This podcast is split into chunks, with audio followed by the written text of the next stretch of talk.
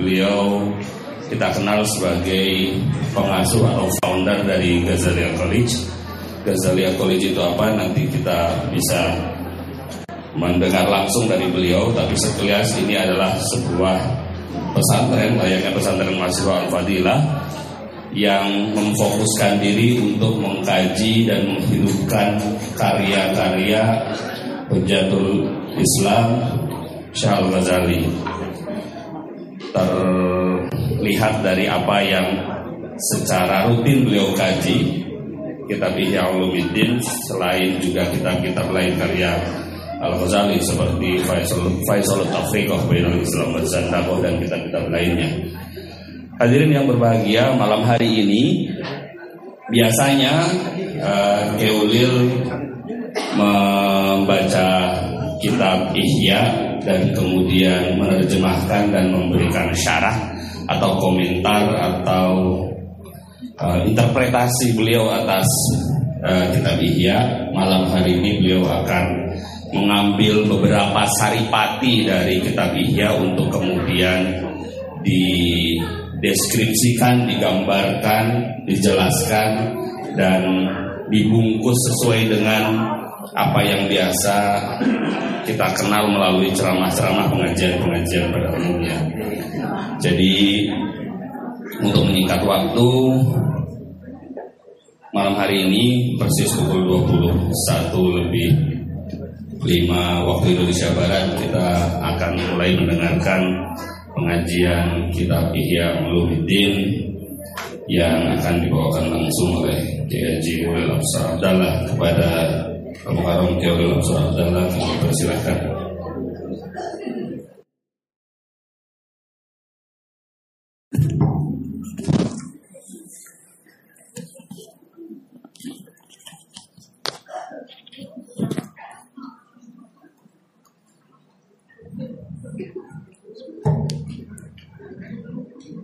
Assalamualaikum warahmatullahi wabarakatuh.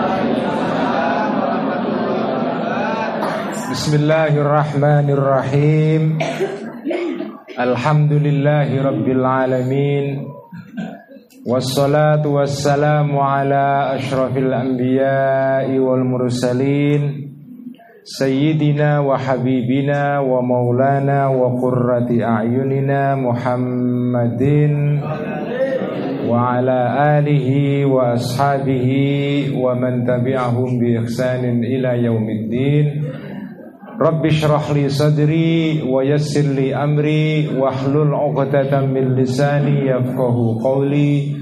رب زدنا علما وارزقنا فهما. آمين يا رب العالمين. Amma ba'du Para Romo Kiai Para Bini Sepuh Para Asatidah Para Ustadzat Wabil khusus kepada Sohibul Bait Pengasuh Pondok Pesantren Mahasiswa Al-Fadilah Dr. Iman Fadilah Semoga Allah memberikan panjang umur kepada beliau dan kesehatan yang saya hormati Syuriah MWC atau Roy Syuriah MWC NU Tembalang Kiai Haji Muhammad Syahid pengurus Tanfidiyah MWC Tembalang, semuanya yang hadir di sini, jajaran pengurus Syuriah dan Tanfidiyah ranting Meteseh ya. Meteseh dan juga wabil khusus kepada ketua Fatayat Tembalang Profesor Dr. Anikoh tadi.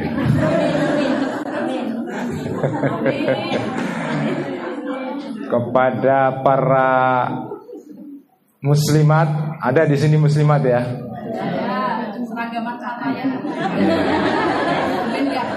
Muslimat yang menyamar sebagai fataya. kepada para teman-teman Ansor, Banser, PMII, IPNU, IPPNU, para santri, para mahasiswa, para mahasiswi, dan juga kepada teman saya Mas Dr. Teddy Khaliluddin. Ini teman lama yang sudah sibuk mengurusi istri sehingga susah saya temui sekarang.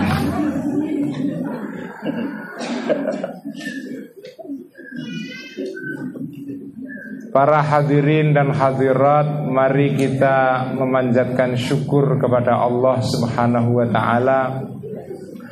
Syukur yang sebesar-besarnya karena malam ini kita bisa menghadiri majelis ilmu dan yang hadir di sini itu tidak saja hanya laki-laki tetapi juga sekaligus perempuan. Ini nikmat dari Allah yang luar biasa besar sekali. Tadi sebelum saya masuk atau naik di majelis ini, saya berkesempatan bincang-bincang dengan Fatayat Afghanistan tadi itu. Ada Fatayat ada dua muslimah yang kuliah di Indonesia di Unwahas dari Afghanistan saya bicara agak banyak dengan mereka terutama kepada Mbak Sayista ya, ini adalah coba berdiri Mbak Sayista ini adalah uh, Fatayat Afghanistan. Satu lagi Mbak Zuhal. Dua-duanya masih jomblo.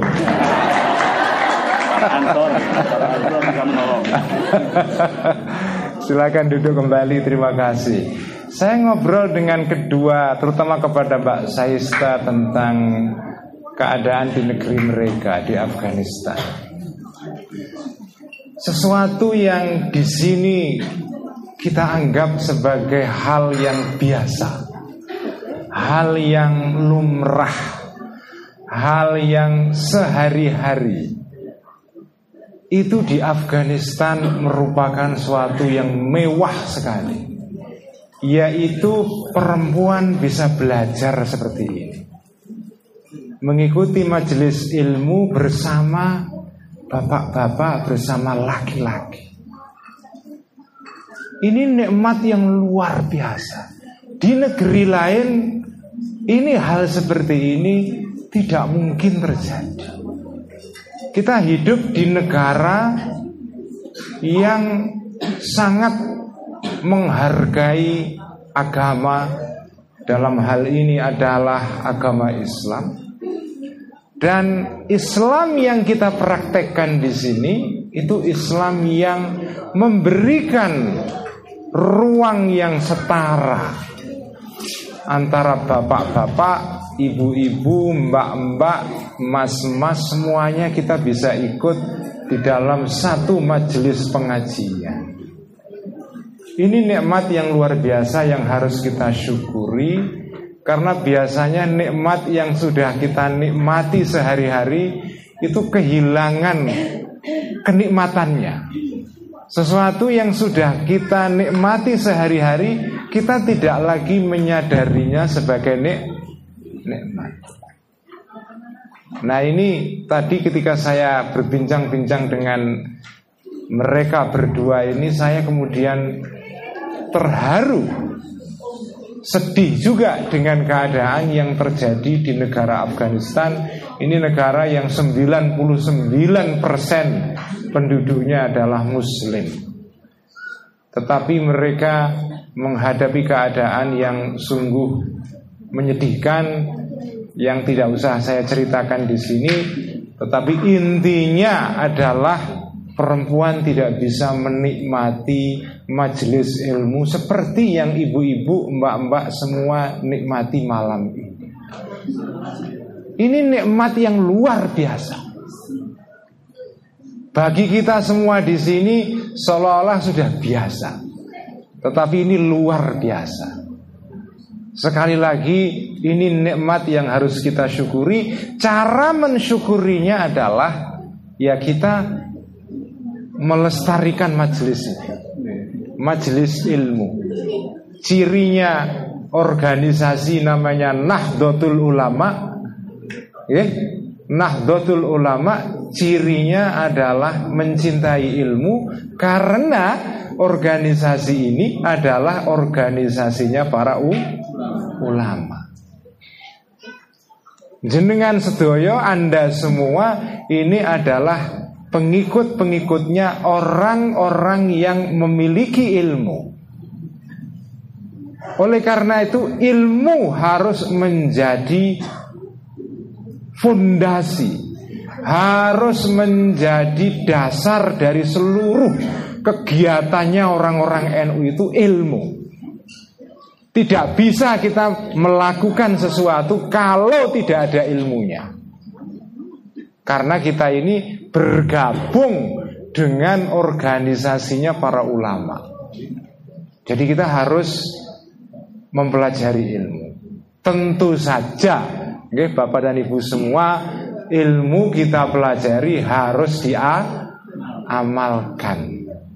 Tidak bisa ilmu dipelajari saja tanpa diamalkan. Tetapi amal yang tidak didasari oleh ilmu itu tidak sempurna, bahkan tidak sah. Tidak sah. Ya, amal yang tidak didasari oleh ilmu itu tidak sah. Meskipun itu benar amal itu, tapi kalau tidak didasari ilmu, itu ilmu amalnya itu tidak sempurna.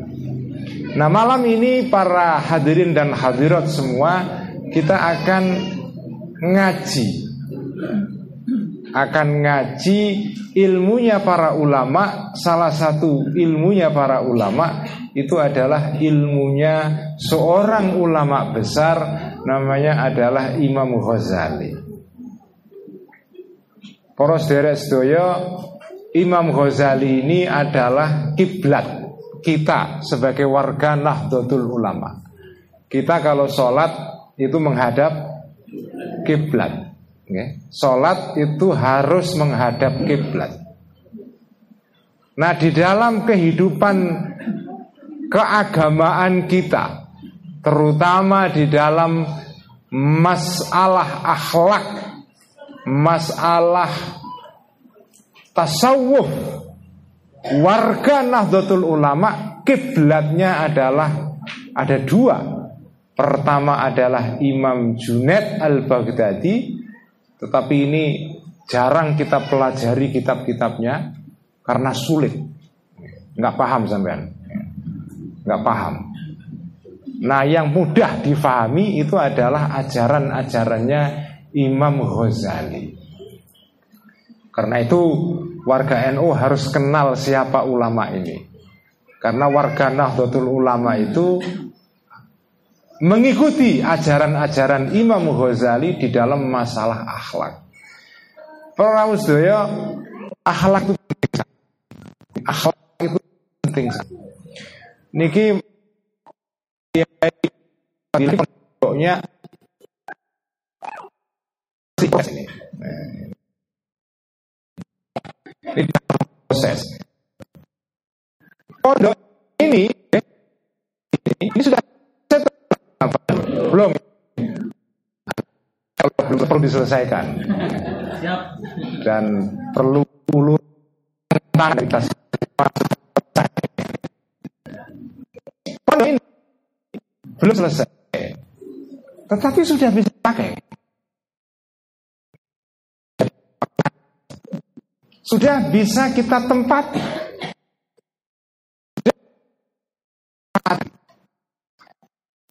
Sempurna. Akhlak, akhlak mereka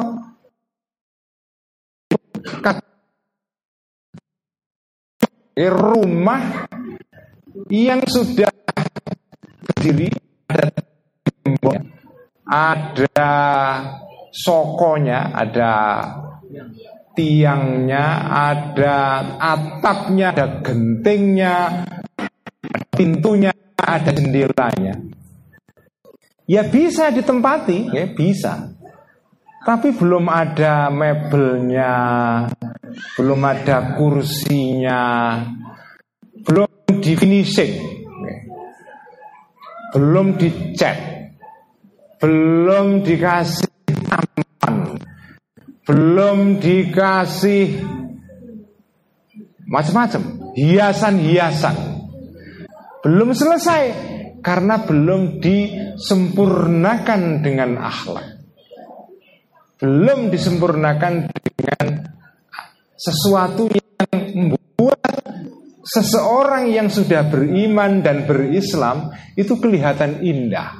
Seperti rumah yang sudah selesai, sudah finishing dan enak dilihat. Itulah gambaran orang yang sempurna Islamnya. Dia Islam, dia dia iman, dia Islam dan setelah itu dia ihsan. Itu itu namanya itu ihsan ya. Ihsan itu artinya ihsan itu kanji Nabi mencontohkannya ya, ihsan itu. Contohnya itu sederhana sekali. Contohnya kan Nabi mengenai ihsan itu adalah nyembelih hewan. Ini karena menjelang Idul Korban, nyembelih hewan. Kan Nabi menikah ajarannya tentang nyembelih hewan. Ihsan itu adalah kalau mau menyembelih hewan itu harus gamannya apa gaman itu pisaunya itu ditajamkan supaya cepat membunuh hewan itu supaya hewan itu tidak merasakan kesakitan yang terlalu lama. Itulah contoh ihsan ini ngatakan kok. Jadi ihsan itu sampai kepada hal yang sekecil itu. Nyembelih hewan itu harus pisaunya tajam supaya hewan itu kalau disembelih cepat mati. Artinya apa? Hewan pun itu dipikirkan. Jadi tidak hanya peri kemanusiaan tetapi juga peri kehewanan. Peri kehewanan. Lo kewan aja dipikir nih. Ini ihsan. Kewan saja dipikir apalagi manu manusia. Lebih-lebih dipikir lagi kewan saja, hewan yang tidak punya akal itu pun difikirkan, dijadikan sebagai hewan yang harus disayangi, harus dikasihi. Tidak boleh karena dia hewan terus diperlakukan sembarangan. Kayak sebagian warga kita kalau lihat kucing nakal langsung dibuang demi waktu. Terus saya mau tentang beri ngoten saya doakan tidak ada di meteseh ya. Kucing nyolong iwak langsung dikejar lecet dua demi watu ya. Ah niku kula zaman cilik itu saya sering ngoten niku. Kula kadang-kadang biyen nggih nglakoni ngoten niku. Ah tidak boleh itu. Itu namanya bukan ihsan. Ya, ihsan itu adalah kita Bahkan terhadap hewan pun kita diperintahkan oleh kanjeng Nabi untuk menghormati hewan. Apalagi manu manusia. Karena manusia itu memang makhluknya Allah yang paling mulia dan harus dihormati. Bukan saja kita yang menghormati Allah itu, Allah niku menghormati manusia. Apalagi jenengan. Lu Allah niku menghormati manusia. Allah niku mendeklarasikan, buat deklarasi. Oh, kayak deklarasi PKB niku. Nah, pemilu nih kan. Rodok nyinggung-nyinggung partai sidik. Bukan kampanye ini ke? Bukan kampanye. Deklarasi. Allah deklarasi walaqad karramna bani Adama. Aku Allah Subhanahu wa taala menghormati anak cucu Adam. Lu Allah saja ini lo menghormati. Allah saja menghormati dan yang dihormati Allah menikah Bani Adam tidak peduli siapa pun tidak peduli agamanya apa sukunya apa, warna kulitnya apa, golongannya apa. Bani Adam ini NO atau Muhammadiyah tidak peduli. Semua dihormati oleh Allah Subhanahu wa taala. Mau fatayat, mau muslimat, mau pakai PPO atau freshcare. Semua dihormati oleh Allah Subhanahu wa taala. Bebas, ya mau dia dosen, mau mahasiswa, mau dia S1, S2, mau tidak berpendidikan, semua itu disebut sebagai Bani Adam, anak cucunya Nabi Adam. Jenengan itu keturunan Nabi loh, Bu. Keren nih, Bu. Ya, jenengan sedaya ini keturunannya na, Nabi. Nabi kita ini semua keturunannya Nabi kita ini. Dan oleh Allah kita ini dihormati oleh Allah Subhanahu wa taala. Loh kalau Allah saja itu menghormati, masa kita tidak menghormati manusia? Enggak bisa. Allah saja menghormati apalagi kita-kita. Nah, ini kembali kepada ajaran ihsan tadi itu. Ajaran ihsan atau akhlak. Ihsan itu artinya sebetulnya akhlak. Ajaran akhlak ini penting sekali. Inilah yang membuat orang Islam itu kelihatan indah seperti rumah yang selesai finishing. Itu dilihat enak sekali, nak nggo gawe mantu yo disawang yo enak. Itu orang yang punya akhlak. Orang Islam yang tidak punya akhlak itu ya ya ya sudah Islam. Sudah Islam. Ya mungkin ya masuk surga juga. Mungkin ya. Tetapi di sawang ora enak kalau tidak ada akhlaknya.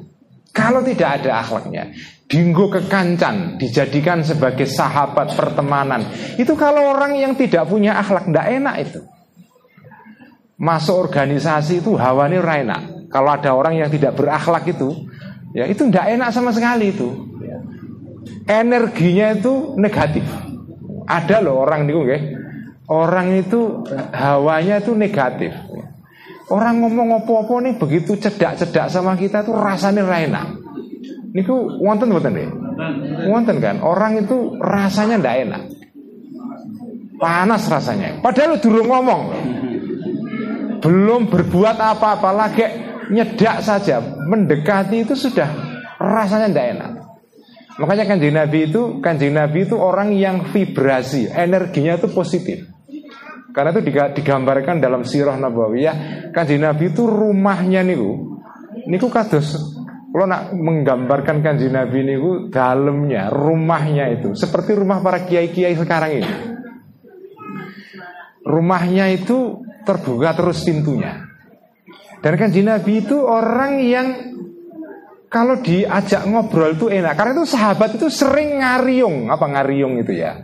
Kumpul-kumpul cangkruan di rumahnya ngopi-ngopi ududan di rumah kanji Nabi itu orang senang sekali sahabat itu senang cangkruan di rumah kanji Nabi duduk ngobrol okay? itu sering di, di rumah rumahnya kanji Nabi itu sampai ada ayat turun dalam surat Al-Ahzab okay? ada ayat turun tentang sahabat yang seneng kumpul-kumpul di ruangan tamunya kanji Nabi. Sampai wes dikai imangan, barmangan, orang mulai-mulai. Wah, ini potongannya banser metesek kayak gitu.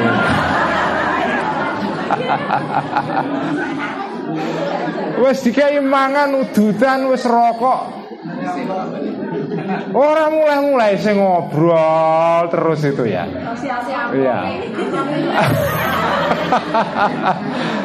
oh, itu itu sampai turun ayat dalam surat Al-Ahzab itu. Hei para sahabat ya, kalian kalau sudah mertamu ya sudah cukup ya pulanglah. Ya. Walatas tak nisuli hadis itu dalam ayatnya itu. Yojo terus ngobrol suwe-suwe nih gue ruang tamunya kanji Nabi. Inna dzalika yu'dhin Nabi. Itu membuat ya Nabi itu orang yang baik sekali nggak pernah ngusir.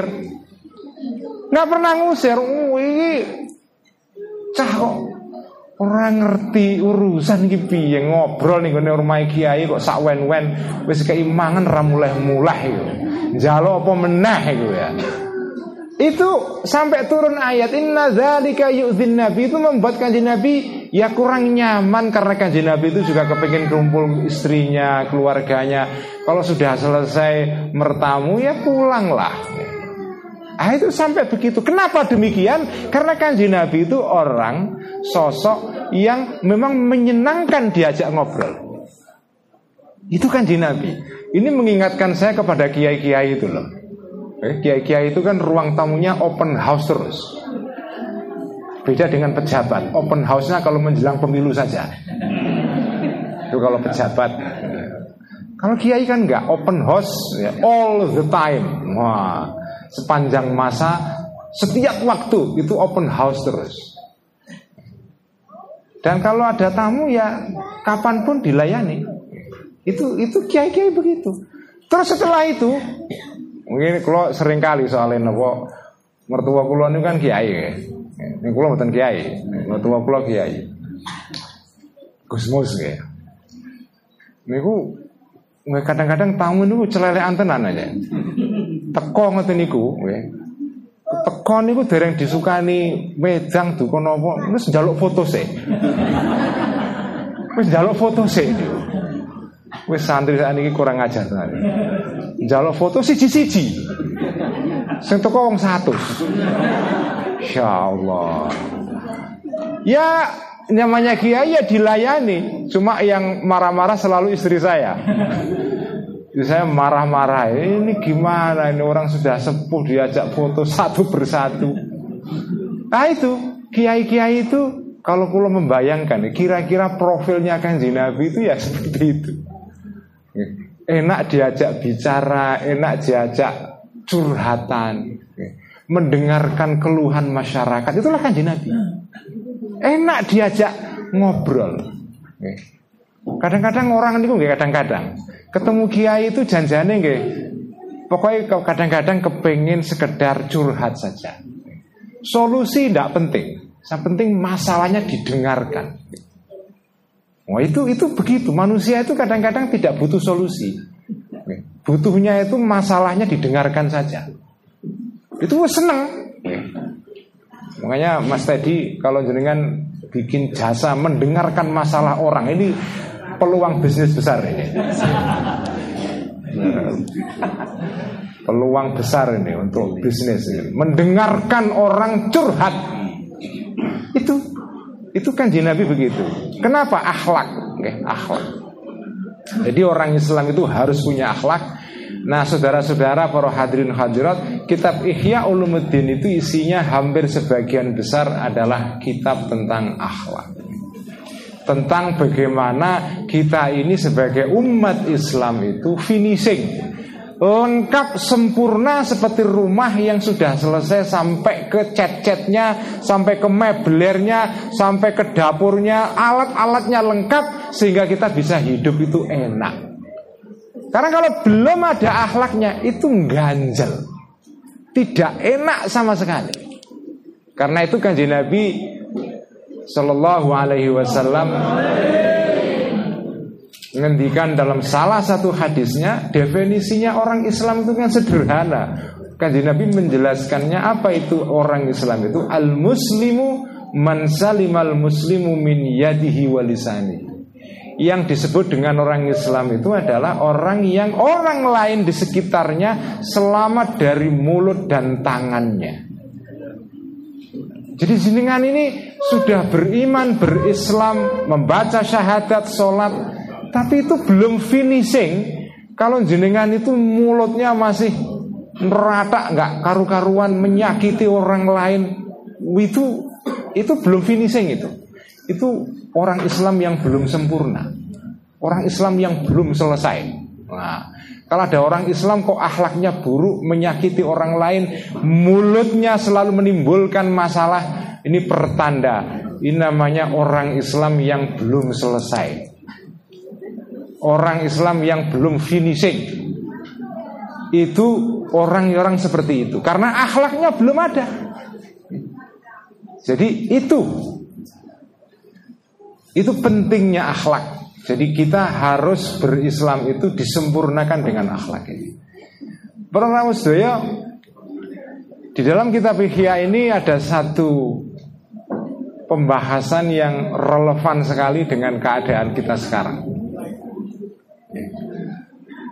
Teng kitab Ihya ada bab ada pembahasan nih, ada pembahasan mengenai apa yang disebut oleh Imam Ghazali mengenai afatul lisan. Penyakit-penyakit mulut. Penyakit-penyakit mulut. Tetapi ini bukan penyakit mulut dalam pengertian penyakit mulut berupa penyakit gigi, bukan. Obatnya bukan pergi ke tukang atau dokter gigi tidak.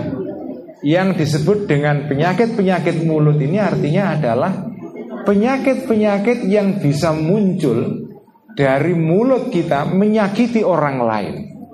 Karena tadi di dalam hadis tadi dikatakan yang disebut dengan orang Islam adalah orang yang orang lain itu tidak terganggu oleh mulut dan tangannya. Para mulut manusia itu luar biasa, menakjubkan. Mulut manusia ini ku nak dipikir-pikir itu menakjubkan sekali. Ukurannya mulut manusia ini berapa sih? Berapa itu diameternya itu? meter ya medeni wong itu. Mulut manusia itu diameternya paling beberapa senti saja, mungkin berapa senti, 3 senti atau 4 senti. Kecil. Tapi jenengan tahu alam Indonesia ini rusak itu. Itu juga gara-gara mulut manusia. Jenengan nanti ma masuk tenggene mall nopo supermarket nggih. Indomaret atau mau malah ini Indomaret ono Alfamart itu sing cilik niku. Sing gede-gede Indomaret ono ono Matahari ono Kare Carrefour ono Hypermart kowe. Niku jenengan masuk ke supermall itu, ke supermarket. Niku jenengan lihatlah jenis makanan yang dipajang di rak supermarket niku. Niku nak kalau kalau nak nak masuk supermarket kadang-kadang mikir ini isine sebagian besar itu panganan kabeh. Panganan niku. Macam-macam panganan namanya panganan nggih. Iki semua iki panganannya manusia masuknya lewat mulut yang kecil itu. Tetapi itu panganan itu kalau ditumpuk di gudang di Indomaret itu gedenya luar biasa. Digowo nganggo truk. Itu hanya untuk nyeseli mulut jenengan itu loh. Coba mulut kecil seperti ini menghabiskan makanan ribuan ton. Menciptakan sampah yang luar biasa membuat kerusakan alam loh. Ini mulut-mulut jenengan ini membuat kerusakan alam luar biasa. Mulut-mulut jenengan ini makan niku, eh, jenengan makan itu, makan itu tidak bisa diproduksi kalau dipikir-pikir ya, tidak bisa diproduksi kalau nggak ada energi.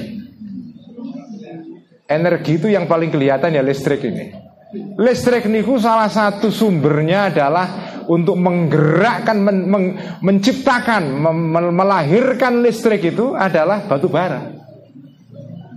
Itu dengan kalau kalau naik pesawat kecil gue melintasi Pulau Kalimantan dari ujung ke ujung nih. Ini ku masya Allah, ini ku kados kados remaja atau gadis yang nopo niku kukulen nopo jerawatan jerawatan ekstrim Pulau Kalimantan itu nak jenengan jelajahi dari atas lewat apa, pesawat okay. Tapi jangan pesawat yang gede yang jauh ya. Pesawat kecil yang lebih yang bisa melihat darat karena tidak terlalu tinggi terbangnya. Niku nak jenengan melintasi Kalimantan niku. Niku Kalimantan ku rusak alamnya. Karena apa? Karena digali untuk di sana yang paling banyak dicari ya tambang batu bara. Bantang Pulau Kalimantan itu jerawatan itu semua rusak alamnya itu antara lain karena gara-gara mulut jenengan itu.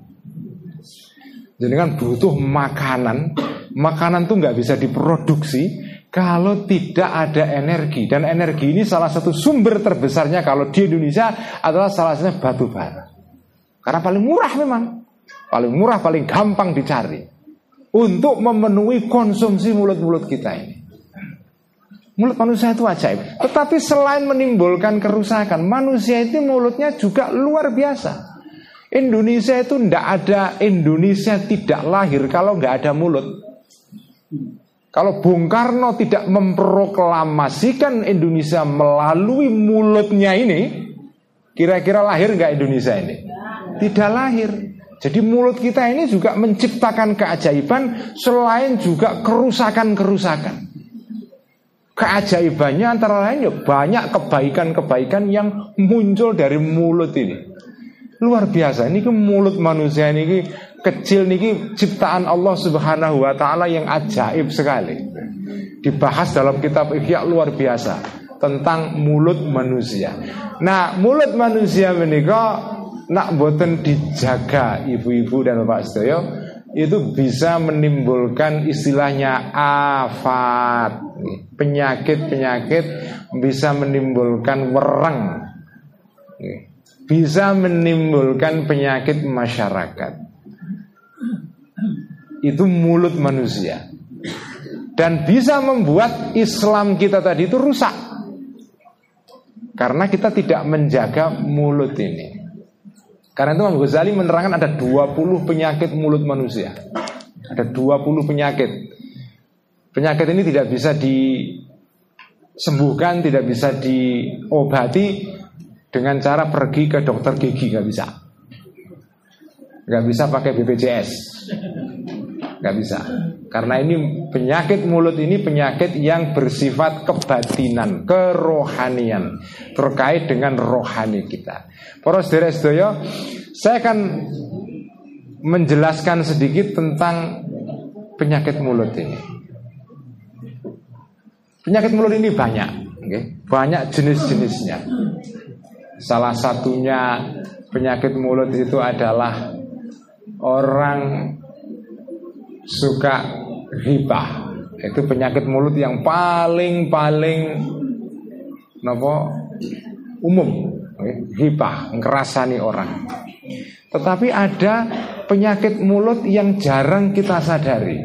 Yang dijelaskan oleh Imam Ghazali salah satunya adalah penyakit mulut bentuknya adalah Orang awam, orang yang tidak mengerti masalah, tidak punya pengetahuan, tidak punya ilmu, ikut cawe-cawe berbicara mengenai sesuatu dan kemudian berpendapat yang tidak didasari oleh ilmu, kemudian menciptakan kekacauan dalam masyarakat.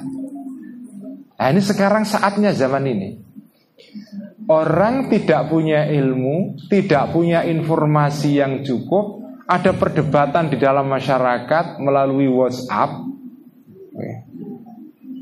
Terus kemudian ikut-ikut berpendapat menambahi keruwetan masalah.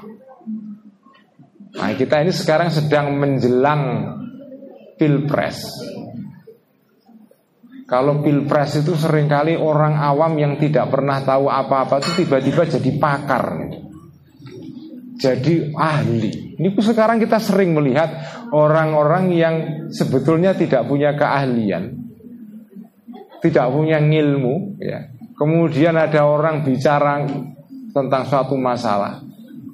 Dia tiba-tiba ikut bicara, ikut nimbrung dalam diskusi, ikut terlibat dalam diskusi, tidak menguasai masalah, kemudian dia memberikan pendapat. Menambah ruwet masalah itu termasuk afatul lisan.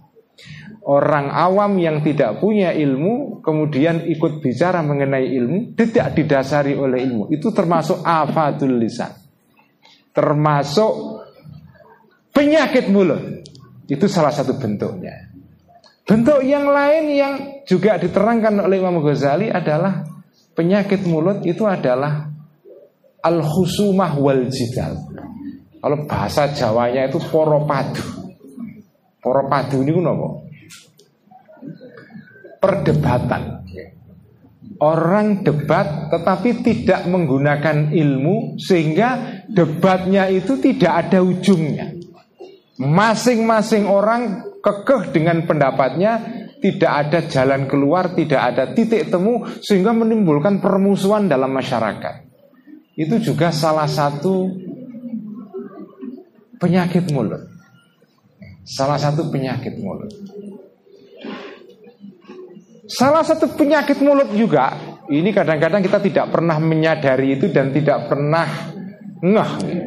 Ini dibahas oleh Imam Ghazali. Salah satu penyakit mulut itu adalah termasuk juga memberikan nasihat. Tetapi nasihat yang tidak tepat sasaran. Karena kata Imam Ghazali, Ingatan, ini ini ilmu yang kadang-kadang kita tidak pernah sadar, tapi ini penting kita pelajari. Orang niku memberikan nasihat. Nak jenengan memberikan nasihat kepada orang lain. Posisi jenengan engkang memberikan nasihat dengan yang dinasehati niku dhuwur pundi? Tinggi mana antara yang menasehati dengan dinasehati? Itu dhuwur mana? Dhuwur yang menasehati. Orang menasehati itu kalau tidak menjaga diri hati-hati itu bisa terkena penyakit, penyakit rohani maksudnya, penyakit hati. Jenengan ketoe berbuat baik nasihati orang lain. Tapi janjane ada syahwat di balik itu. Yaitu jenengan kepingin dipandang sebagai orang yang levelnya lebih tinggi. Jadi jenengan ketoe nasihati, nasihati untuk ganjaran.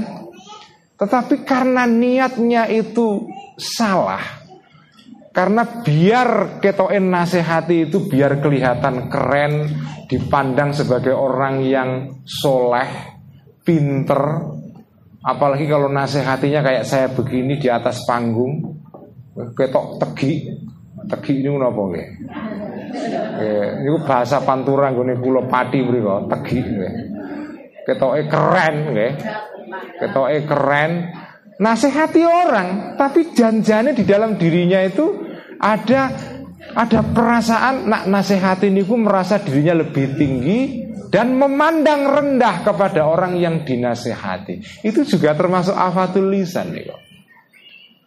Jadi ketoe berbuat baik Tetapi sebetulnya dibalik kebaikan itu Terselip syahwat nafsu Dari situlah syaitan masuk ke dalam darah manusia okay? Darah manusia Kata Imam Ghazali para Imam Ghazali mengatakan begini Mengutip sebuah hadis okay? Kanjeng Nabi Muhammad Sallallahu Alaihi Wasallam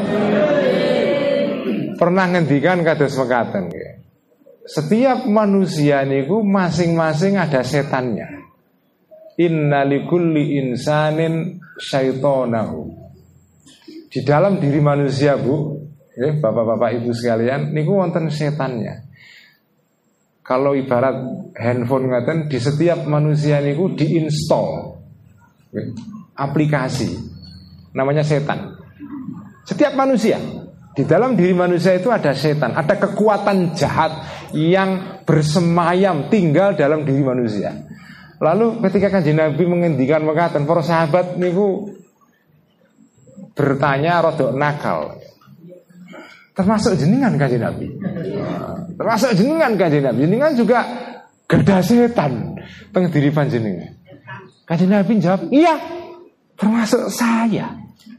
Cuma bedanya kalau setan di dalam diri kanjeng Nabi Ini setan yang sudah dijinakkan Sehingga tidak bisa berbuat apa-apa. Nak jenengan sedoyo niki setannya itu belum jina. Setan yang masih aktif Belum pensiun. Masih aktif. Aktif dan aktifnya masih aktif umur 17 25 apa 20 tahun. Masih super aktif masih ABG setannya nih. Padahal wis tua wong ini setannya ABG. Niku jenengan sedaya. Di dalam diri manusia menikah wonten setan. Maksudnya apa? Ada kekuatan jahat yang mendorong kita untuk melakukan kejahatan. Nah, setan menikah dalam diri manusia itu itu unik ya. Nah, manusianya niku kok tingkatannya SD, nggak setannya nggak SD. Makanya orangnya kok naik kelas SMP, nggak setannya nggak SMP. Makanya nak S1, setannya nggak S1. Makanya jenengan S3 niku setannya S3. Mboten kok jenengan mahasiswa S3 sudah profesor kayak kata Mbak Anik niku wau. Sudah profesor, kok terus setannya tingkat SMP mboten enak ala ngoten niku ah. Niku enak, mboten jenengan niku setannya niku tumbuh beserta jenengan. Jadi dia juga berkembang. Makanya setan itu sesuai dengan level keilmuan orang itu. Kalau dia kiai, setannya juga level kiai. Makanya kiai itu jangan dibilang kalau kiai terus setannya kelas SD, enggak. Setannya kelas kiai juga. Berat. Ada yang kiainya enggak tahan. Tidak tahan dengan godaan setan kiai ini, jadi kiai setan ini ya. Oh, kok kiai setan? Ya, setan kiai ini ini luar biasa. Dan jelas makin tambah level kita, tantangan kita makin besar. Niku nikulah ajaran Kanjeng Nabi. Karena itu karena itu nggih manusia tidak boleh lengah sesaat pun. Jenengan tidak boleh merasa karena sudah wan wis ngalim wis pernah mondok hafid Quran tidak bisa berbuat apa-apa kepada dia. Tidak. Setan kita menikah tergantung. Kalau fatayat setannya nggak level fatayat.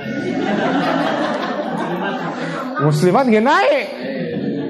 Banser nggak tingkat banser mawon. Nak banser metesa nggak setannya nggak setingkatan metesa yang mawon. Maka nak bar, banser tingkat provinsi dia naik juga setannya ini. Nikulah.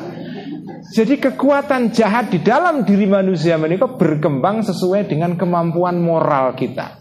Ilmu kita bertambah, setannya bertambah.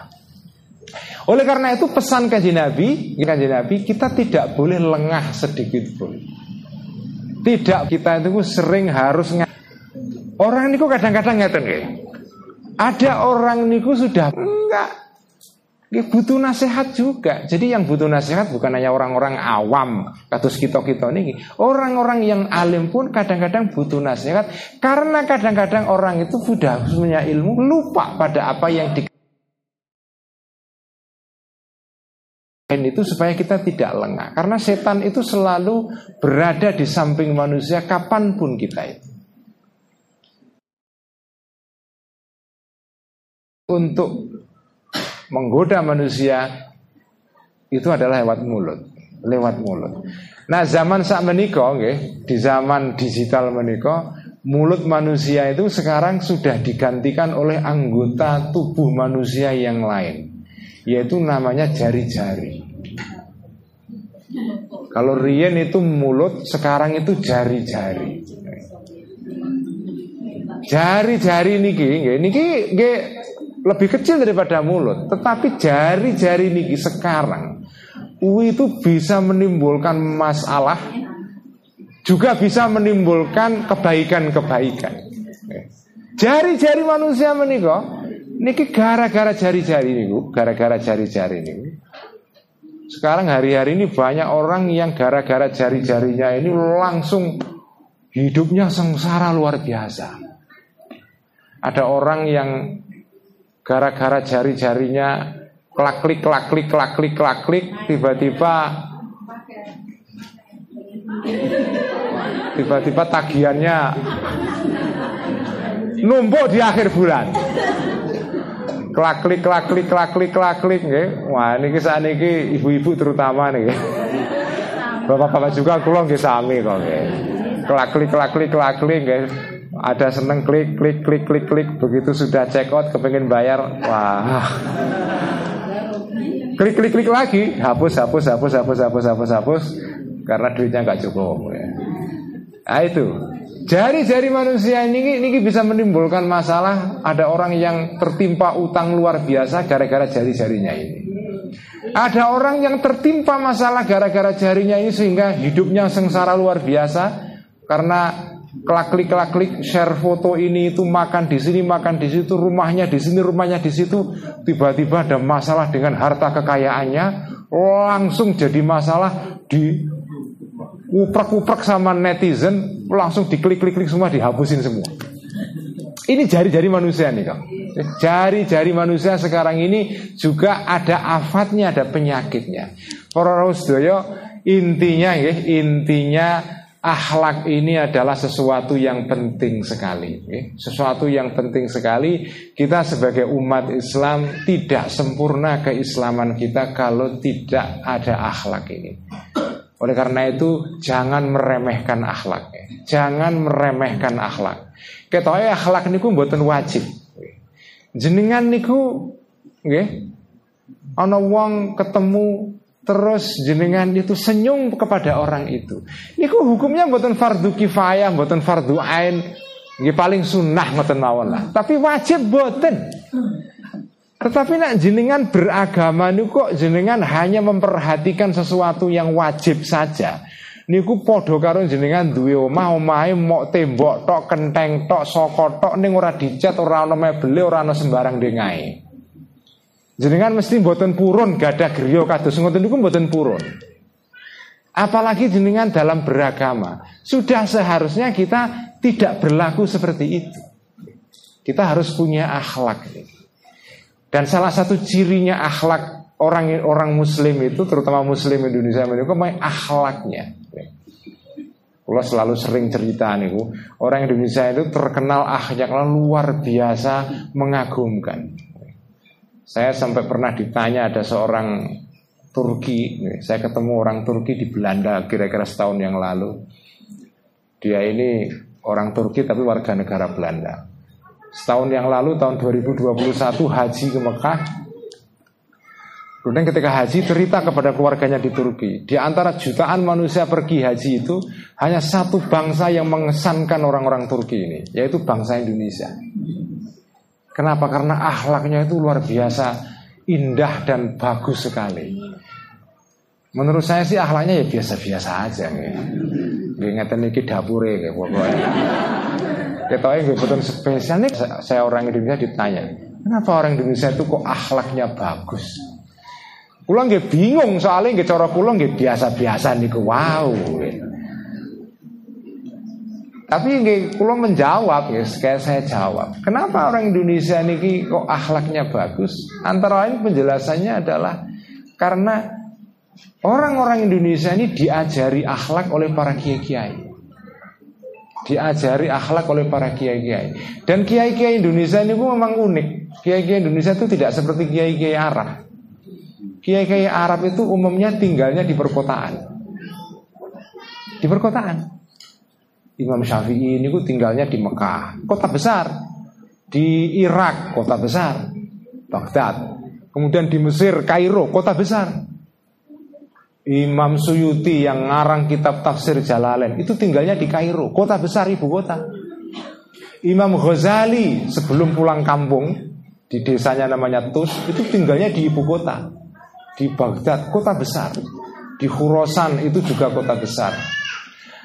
Tetapi kiai-kiai Indonesia ini kok umumnya di kampung-kampung. Kiai-kiai NU yang yang utama, kiai-kiai NU yang gede-gede ini malah justru tinggalin di kampung-kampung. Sing sing ning gone PBNU teng kota-kota teng Semarang itu kiai cilik-cilik niku. Kiai cilik-cilik niku niku kan kiai pengurus ngoten mawon. Nah kiai sing beneran niku nggih manggone teng kampung-kampung Mbah Maimun, Mbah Sahal, nggih biyen Mbah Hasyim Asy'ari teng kampung-kampung.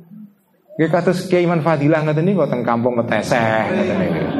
Ngisor breng nggih kok. Nggih pondoke nggih ngaten-ngaten ngoten mawon nggih. Cili nggih. Rambut jaji apa. Tapi, nggih tapi kiai-kiai kita niku tinggalnya itu dekat dengan rakyat. Makanya Kiai Indonesia ini kok pengaruhnya ini kok luar biasa. Kiai Indonesia ini bedanya dengan Kiai Arab. Kiai Arab ini kitabnya kuat lah, ngarang maksudnya ya.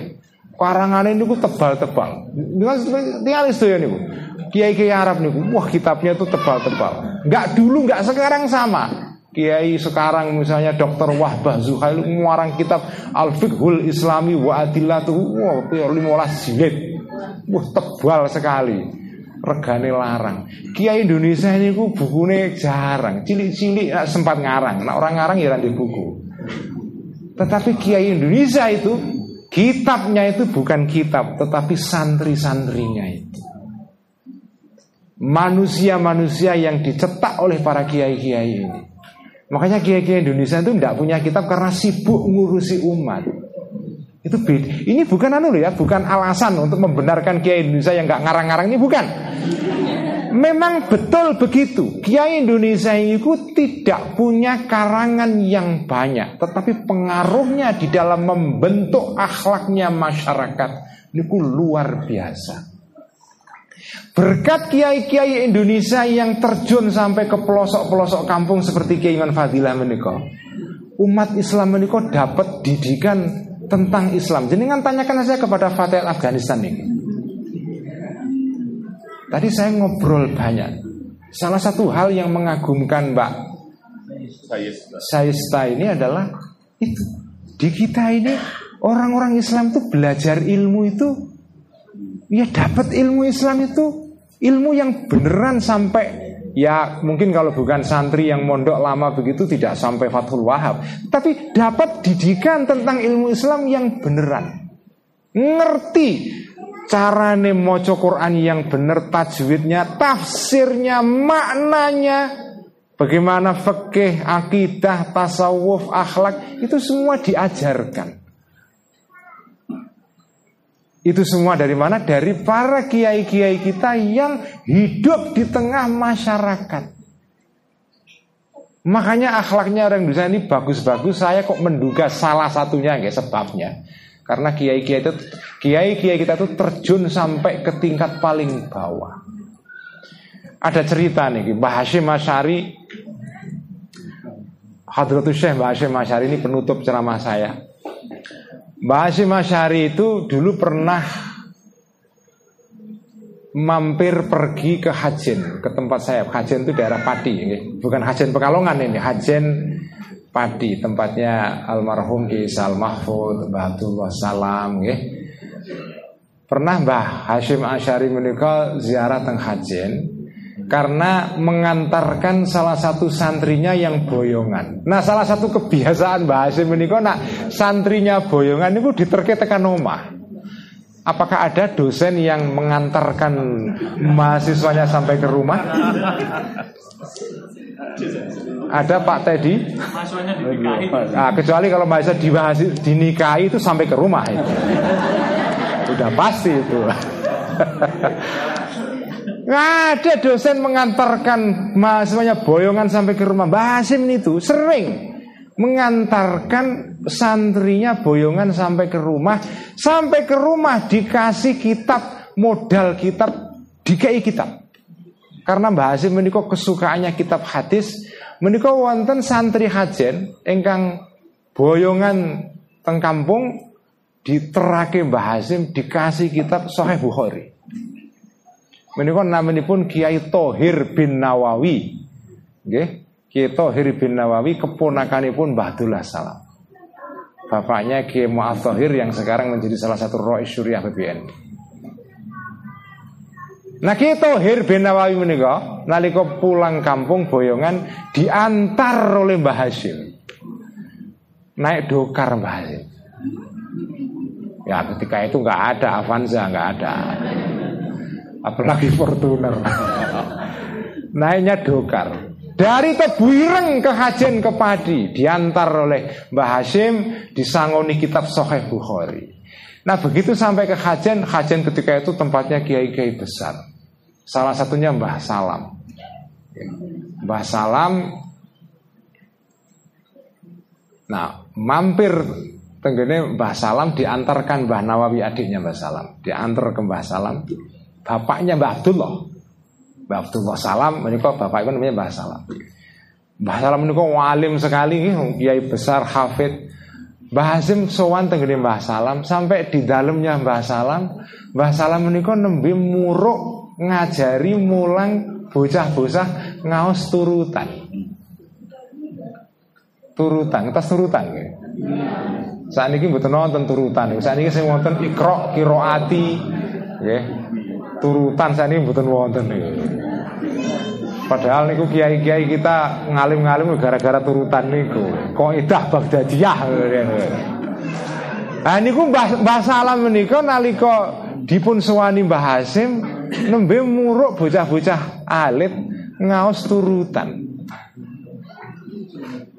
Terus kondur sampai teng dalamnya Mbah Tohir lagi ditanya Mbah Nawawi, "Sendi Mbah?" Mbah Hasim nangis Mbah Hasim. Ditanya Mbah Nawawi ya, nangis. Loh, wonten napa Mbah? Mbah Hasim kok kok nangis menika. Mbah Hasim jawab, ngilmuku ini ora sepiro dibanding Mbah Salam. Ning Mbah Salam isih kober muruk bocah-bocah turutan. Aku iki ora pernah muruki bocah-bocah turutan. Mbah Salam sing ngalimnya kados mekaten. Kok isih sempat-sempate ngajar bocah-bocah. Ora gengsi. Apakah mungkin ada profesor ngulang turutan ngoten kira-kira ini loh. Kira-kira ngoten mboten kira-kira ngoten loh ya. Mustahil itu hil yang mustahil nih. Nggak ada. Itu kiai-kiai kita itu kada semekatan nih. Begitu dekatnya dengan masyarakat masih sempat walaupun ngalim muruk bocah-bocah cilik. Makanya kiai-kiai ini pun biasa nih kiai-kiai ini pun, niku nak di di di, di, di apa nggih di di amati nggih. Niku kiai-kiai niku nak makin ngalim, niku ngaji ini kitab cilik-cilik. Nak kiai-kiai sing isih nom-noman sing kepengin masih butuh pengakuan. Wah, ngajinya kitab-kitab besar. Ngaji kitab ihya kayak saya. Itu karena masih butuh pengakuan saja. Kalau sudah ngalim-ngalim nih, ngajinya cili-cili, ya. kitab cili-cili ngajinya Bidayatul Hidayah, ya. Napa niku Risalatul Muawana, Nasaihu Diniyah, Irsyadul Ibad, cili-cili. Ya. Karena justru bisa mengubah masyarakat kecil jadi saya tuh yakin, nggak agak yakin kalau yakin bahwa orang Indonesia menikah akhlaknya baik-baik itu berkat antara lain kontribusinya para kiai-kiai yang masih sempat ngajari bocah-bocah cilik-cilik orang awam padahal ngalim sekali iseh iseh kok bermuruk wong awam pendidikan pengajaran mengenai kitab-kitab. Makanya ini salah satu warisan penting para kiai-kiai. Jangan sampai kita ini meremehkan orang-orang awam. Sebab kata kajing Nabi, sabda kajing Nabi Muhammad Sallallahu Alaihi Wasallam, kajing Nabi pernah bersabda, "Akfaru ahlil jannati al buhmu." Akfaru ahlul jannati al buhmu. Mayoritas penduduk surga menikah adalah orang-orang bodoh. Al buhmu itu orang yang tidak pandai berbicara tidak artikulit. Wah, kalau menurut bahasa kampusnya nih tidak ber, tidak pandai berbicara karena dia pendidikannya rendah. Jadi mayoritas penduduk surga menikah orang-orang awam. Bukan S1 S2 S3 kebanyakan orang-orang awam. Karena kalau masuk surga syaratnya S3 wah itu repot nih repot nih kok masuk surga syaratnya S3 nih banyak yang nggak masuk kali kualifikasi Sebagian besar orang penduduk, penduduk Indonesia menikah sing sekolah S3 ini berapa persen coba? Niko paling kebanyakan besar Sebagian besar pendidikannya SMP, SD, SMP Makanya kanji Nabi ngintikan penduduk surga paling besar adalah orang-orang awam. Karena itu jenengan tidak boleh mengabaikan orang ini. Makanya dalam kitabnya Al-Ghazali menikah sering diterangkan Orang-orang awam orang yang agama kadang-kadang ini lebih kuat daripada orang-orang ngalim. Makanya Imam Ghazali mengatakan dalam kitab Faisalut Tafriqah niku ngat mekaten.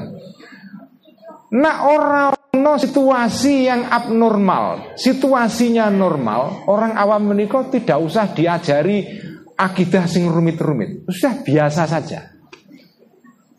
Kecuali kalau ada wah, perdebatan yang membuat orang awam bingung, nah baru diajari. Kalau tidak ada keadaan yang spesial, sudah dibiarkan saja. Karena kadang-kadang orang awam menikah, iman pun menikah lebih kuat daripada orang-orang yang berilmu. Kanji Nabi menikah nalika ngajari para sahabatnya, diajari syahadat tentang iman, yang sederhana. Tidak terus kemudian setelah iman asyhadu alla ilaha illallah wa terus ditanya Allah menikah sifatnya apa? Dalilnya apa? Enggak. Ya sudah iman selesai. Selesai. Menikah. Jadi saya betul-betul salut dengan Pondok Al-Fadilah karena ini pondok ini kampung ya. Metesen niku hitungannya kutha apa kampung nih? Kampung. Lagi. Eh. Kampungnya tunggu. Lebih kampung lagi itu Ini namanya ini ya. Oh, kampungnya kampung nih. Sudah kampung, kampung lagi. Nah ini saya senang sekali Pondok pesantren Al-Fadilah menikah ada di tengah-tengah kampung Ini sesuai dengan ciri khas pengajaran ilmunya para kiai-kiai kita Mendekat kepada masyarakat, mendidik orang awam mendekat kepada orang-orang kebanyakan. Mekatan yang sakit kulaturakan, mugi-mugi kita semua dapat berkahnya Imam Ghazali dan saya doakan pondok ini makin besar, ya. tetapi tetap berada di tengah-tengah masyarakat desa. Sekian, mohon maaf jika ada kekurangan, kekhilafan. Insya Allah kalau mau mengikuti ngaji Ikhya ini mingguan saya persilahkan ikut melalui akun Facebook saya ataupun YouTube setiap malam Sabtu eh malam Jumat jam 8 sampai jam 9. Monggo dipun nak sing tertarik silakan mengikuti setiap minggu sekali. Sekian wallahul muwaffiq ila aqwamit Assalamualaikum warahmatullahi wabarakatuh. Terima kasih diaturkan kepada tausiah kajian terhadap Ihya dan dengan sekali nasihat serta saripati dari kitab Ihya yang bisa kita sarikan. Hadirin yang berbahagia, eh, selanjutnya saya serahkan kepada eh, pembawa acara untuk mengakhiri kegiatan ngaji Ihya pada malam hari ini. Selaku pengantar saya mohon maaf kalau ada hal yang kurang berkenan. Kita bersama-sama mendoakan agar Jaya Jiudul Absar Abdallah diberikan kesehatan Istiqomah memberikan Membagikan pengetahuan Kepada kita sekalian Karena sejak 2017 Beliau memulai pengajian Ihya secara online dan sejak saat itu pula mulai muncul dan marak sekali pengajian-pengajian. Dokter Teddy kami ucapkan terima kasih. Materi yang selanjutnya yaitu pemberian tanda kenang-kenangan oleh Fatayat yang akan diwakili oleh Ketua Fatayat Sahabat Aniko Aniko kepada Kiai Ulil Absar Abdallah kami persilahkan.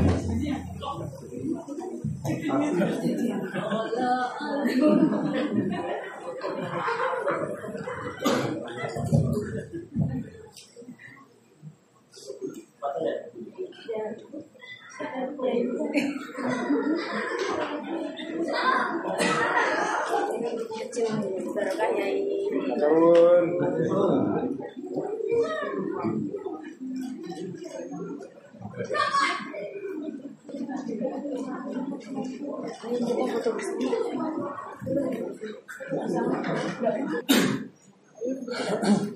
Tidak apa-apa.